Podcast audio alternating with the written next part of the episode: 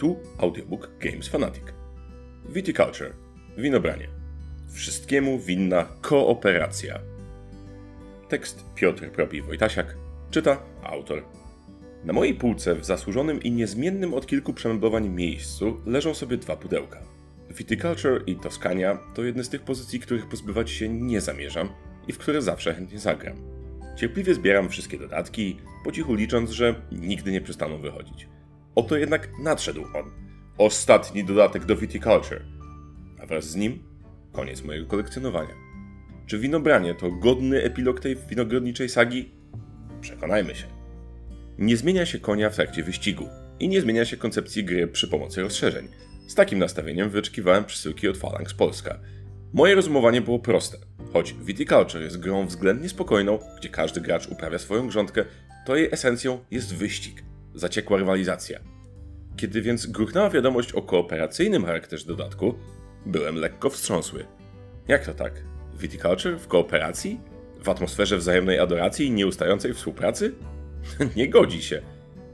Teraz, gdy pierwsze emocje i pierwsze wewnętrzne protesty już się uspokoiły, nadszedł czas weryfikacji obaw i nadziei. Jak winobranie sprawdza się w praktyce, a nie w teorii? W 6 lat dookoła winnicy. Podstawowe założenie winobrania jest takie samo dla wszystkich siedmiu scenariuszy czy też kampanii. Gracze muszą zdobyć 25 punktów i przepchnąć wskaźnik sławy do 10 punktów. W czym haczyk? Mają na to tylko 6 lat. I to nie tych prawdziwych, tylko tych w grze. W świecie winorośli, gron i wesoło chlupoczących butelek to sprint godny Usaina Bolta. Tak gwoli przypomnienia, Viticulture to gra o sadzeniu winorośli, zbieraniu gron, wytwarzaniu win i realizacji zamówień na nie. Mój odbiór podstawowej gry był taki. To nieco leniwa, wyluzowana rozgrywka, gdzie gracze zajmują się swoimi skrawkami ziemi i przez znaczną część gry nie stresują się absolutnie niczym. Nie czują nerwowości czy dyskomfortu z powodu zajętego pola, bo możliwości są duże i nawet w słabych turach można i tak zrobić coś, co popchnie nasz interes do przodu. Dopiero w późniejszej fazie gry, gdy jeden z graczy przekroczy magiczny próg 10 punktów, cała gra kończy się po przekroczeniu 20 lub 25 punktów, zabawa nabiera tempa. Ruchy planowane są z większym wyprzedzeniem, wachlarz możliwości nieco się zawęża i precyzuje, a zajęte pole boli bardziej niż wizyta głodnej sarny w naszej winnicy. Wtedy pojawiają się emocje, wtedy pojawia się autentyczna trwoga, że celu nie da się zrealizować, albo że do szczęścia zabraknie dosłownie jednego ruchu. I w tej drugiej połowie Viticulture lśni jako gra pełna znaczących decyzji i intensywnych dylematów taktycznych. Winni wspólnicy. To, czego za Chiny ludowe nie potrafiłem sobie wyobrazić, to jak do tej gry wprowadzić kooperację i współpracę. Widziałem winobranie jako taką wypatroszoną rybę, która z daleka niby jeszcze rybę przypomina, ale z apetycznością wiele wspólnego nie ma. Po pierwszych rozgrywkach zrozumiałem jednak, że na stole wylądowało koszerne danie, a nie marna podróbka szczecińskiego paprykarza. Koncept wyścigu pozostał niezmieniony. Teraz jednak ścigamy się z czasem, nie z przeciwnikami. Cel 25 punktów zwycięstwa i 10 punktów na nowym torze wpływów jest ambitny, a nawet może wydawać się nieosiągalny. Z pomocą przychodzą jednak karty kontynentów, a wraz z nimi pomoce, ułatwienia i nagięcia zasad, dzięki którym cała operacja zdaje się niemal wykonalna. Łatwo jednak nie będzie. Ręka w rękę przez bezkresne winnice. Jak wygląda kooperacja w winobraniu? No, poza wspólnym strategizowaniem czy omawianiem swoich kart, gracze otrzymują unikatową możliwość wymiany niemal wszystkich zasobów z wyłączeniem punktu zwycięstwa. Nie zawsze i nie wszędzie. Warunkiem jest spotkanie się naszego grande workera z pracownikiem innego gracza i nie znowu w tak nieograniczony sposób. Wymienić możemy, owszem, ale raz. Kolejne wymiany wymagają kolejnych spotkań. Możliwość jest więc kusząca, ale jej praktyczne zastosowanie nie jest łatwe i wymaga mądrego planowania. Musimy nie dość, że spotkać się na tym samym polu, czyli zdublować akcję, to jeszcze poświęcić ruch i pracownika. A to przy ograniczonym czasie gry może być czasem wymóg tak bolesny, jak wizyta głodnego zająca w naszej winnicy. Pomocni pomocnicy. Ciekawym rozwiązaniem są pracownicy, którzy teraz występują od razu w docelowej liczbie. Jest ich pięciu. A do tego są przyodziani w czapki. Kolorowe kapelusze sugerują, do jakich akcji może być użyty pracownik, letnich czy zimowych, zaś szkolenie pracowników, znane wcześniej jako ich przygotowywanie, pozwala im zdjąć owe kapelusze, czyniąc pracowników uniwersalnymi. To mały myk, ale cieszy, bo wprowadza nieznany element do czegoś z gruntu trywialnego. Worker jak worker, jaki jest, każdy widzi. Teraz worker workerowi nierówny i ta nieuniwersalność nastręcza graczom przyjemnej łamigłówki, zwłaszcza w początkowych ruchach, które bywają trudne i bolesne, jak wizyta głodnego bobra w naszej winnicy. Pomocne pola. Plansza w grze została gruntownie przebudowana i nieco skondensowana. Zmieniły się bonusy za pola, zmieniły się same pola, już koniec z zagrywaniem dwóch kart gości w jednym ruchu. Pojawiły się za to nowe opcje, dzięki którym gra nabiera świeżości, ale też unikatowego charakteru. W każdej rozgrywce plansza ewoluuje w inny sposób. Rewolucją, choć bardzo naturalnie wpasowaną w mechanikę gry, są żetony usprawnień pól.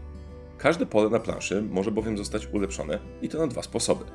Wzmacniając jego działanie, prostokątne żetony, lub dodając bonus za jego użycie, jednocześnie umożliwiając stawanie na nim wielu pracownikom.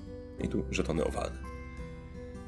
Nie chcę tu streszczać wszystkich usprawnień. Dość rzec, że dzięki nim na przykład spada koszt akcji, otrzymujemy dodatkowe środki lub zasoby, możemy znowu zagrywać dwie karty gości, a nawet korzystać z bonusów z sąsiednich pól, dzięki żetonom ze strzałkami. Możliwości są tu naprawdę duże, więc plansza końcowa może być diametralnie inna od tej, z którą zaczynaliśmy rozgrywkę. Fabula rasa. Drugą wartą wspomnienia innowacją są same karty kontynentów, pełniące tu rolę pewnego fabularnego rysu, budującego klimat każdej rozgrywki. Kontynentów jest 7 i każdy z nich można rozegrać na dwa sposoby. Łatwiejszy, ustawiając karty zgodnie z ich numeracją, i trudniejszy, czyli tasując karty i rozpatrując je w losowej kolejności. Z początkiem każdego roku odkrywamy nową kartę, która wprowadzi element narracyjny, a także praktyczny, ułatwiając w jakiś sposób stojące przed graczami zadanie.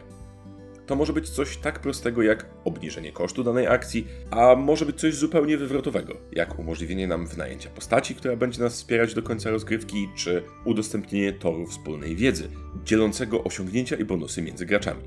Wracają nawet wycięte z pierwotnej edycji Toskanii karty ukrytych celów. I to właśnie w tych taliach kryje się wytrych, dzięki któremu zdobywanie punktów zwycięstwa czy wpływów stanie się łatwiejsze, a nasz cel bardziej osiągalny.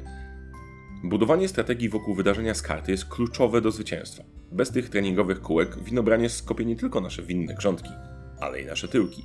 A to boli bardziej niż wizyta głodnego dzika w naszej winnicy.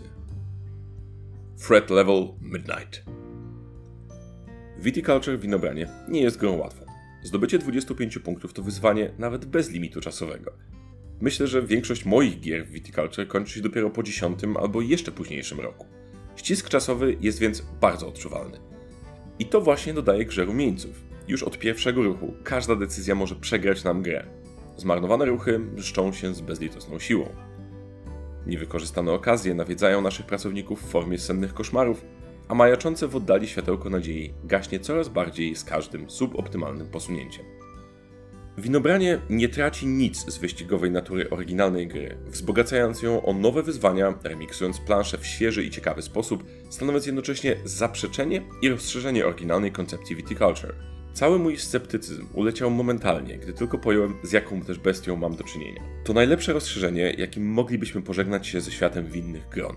I choć wiele partii wciąż przede mną, to już po cichu tęsknię. Winobranie, winogranie, wino werdyktowanie. Nie musicie kupować winobrania. Viticulture jest nadal dobre i klimatyczne bez niego. Jeśli podchodzicie do tego rozszerzenia z bliskim mojemu sceptycyzmem, to mam dla was trzy słowa. Nie lękajcie się. Sam marzyłem o nowej planszy, o rewolucyjnych taliach, odmienionych planszetkach, dodatku z magami, nowych kolorach graczy czy innych tego typu stereotypowych rozszerzeniach. Wystarczyło jednak zadanie, inaczej postawiony cel gry, by natchnąć Viticulture świeżą, ekscytującą energią. Instrukcja do gry jest podejrzanie krótka, ale jest na to proste wyjaśnienie. To rozszerzenie nie niszczy szkieletu rozgrywki, tylko buduje na elementach już istniejących i dobrze nam znanych. Zmiany nie wymagają zbytniego tłumaczenia, bo są tak naturalne i dobrze wpasowane, że wystarczy rzut oka, by zrozumieć, aha, to działa tak, mhm, jasne. To niewątpliwie zaleta. Implementacja rozszerzenia nie powinna zająć nam więcej niż kilka minut.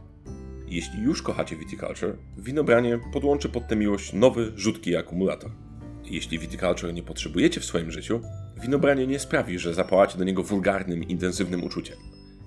To prezent od Stonemaier Games dla fanów. Pożegnalny pocałunek, ostatnie słowo, koniec niemal dziesięcioletniej historii. Ostatni przed długą podróżą kieliszek dobrze schłodzonego, białego wina. Czy zabierze nas znów do Toskanii, czy wrócimy do winobrania? Jedno jest pewne.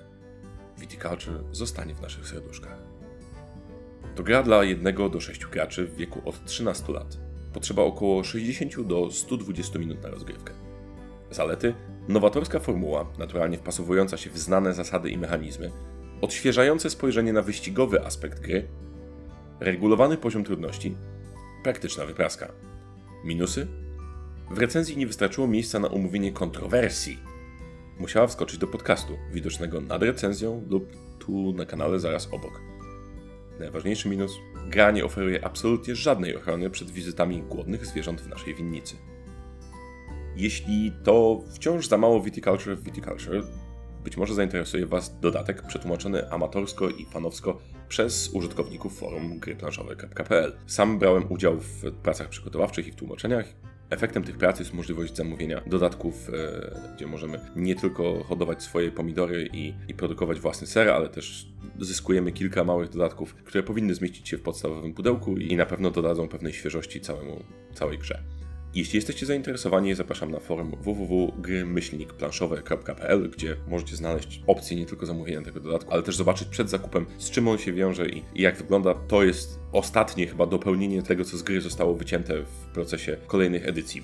Viticulture przeszło od swojego pierwotnego wydania przez wersję Essential, przez Toskanie, przez Toskanie Essential Edition. Przeszło naprawdę długą drogę i jest tam kilka rzeczy, które pojawiły się, po czym zostały usunięte albo ze względu na wysokie koszta produkcji, albo ze względu na to, że odbiór był nie do końca ciekawy. Natomiast tutaj jako e, fani, czy nawet fanatycy gry, zebraliśmy się po to, żeby udostępnić te rzeczy jeszcze raz, włącznie z instrukcją e, dla nowego, nowego pokolenia fanów. I myślę, że jeśli te dodatki, które już się ukazały, czyli Toskania, czyli te nowe talie gości i jeszcze w tej chwili winobranie, jeśli to nadal dla Was za mało, to te brakujące moduły, tak naprawdę, bo tak należałoby to rozumieć, będą idealnym uzupełnieniem Waszej kolekcji i jeszcze, jeszcze bardziej dodadzą Wam regrywalności i modułowości w tej grze. Po więcej recenzji i materiałów o świecie gier planszowych zapraszamy na www.gamesfanatic.pl. Do zobaczenia przy następnych zbiorach albo przy udeptywaniu gron.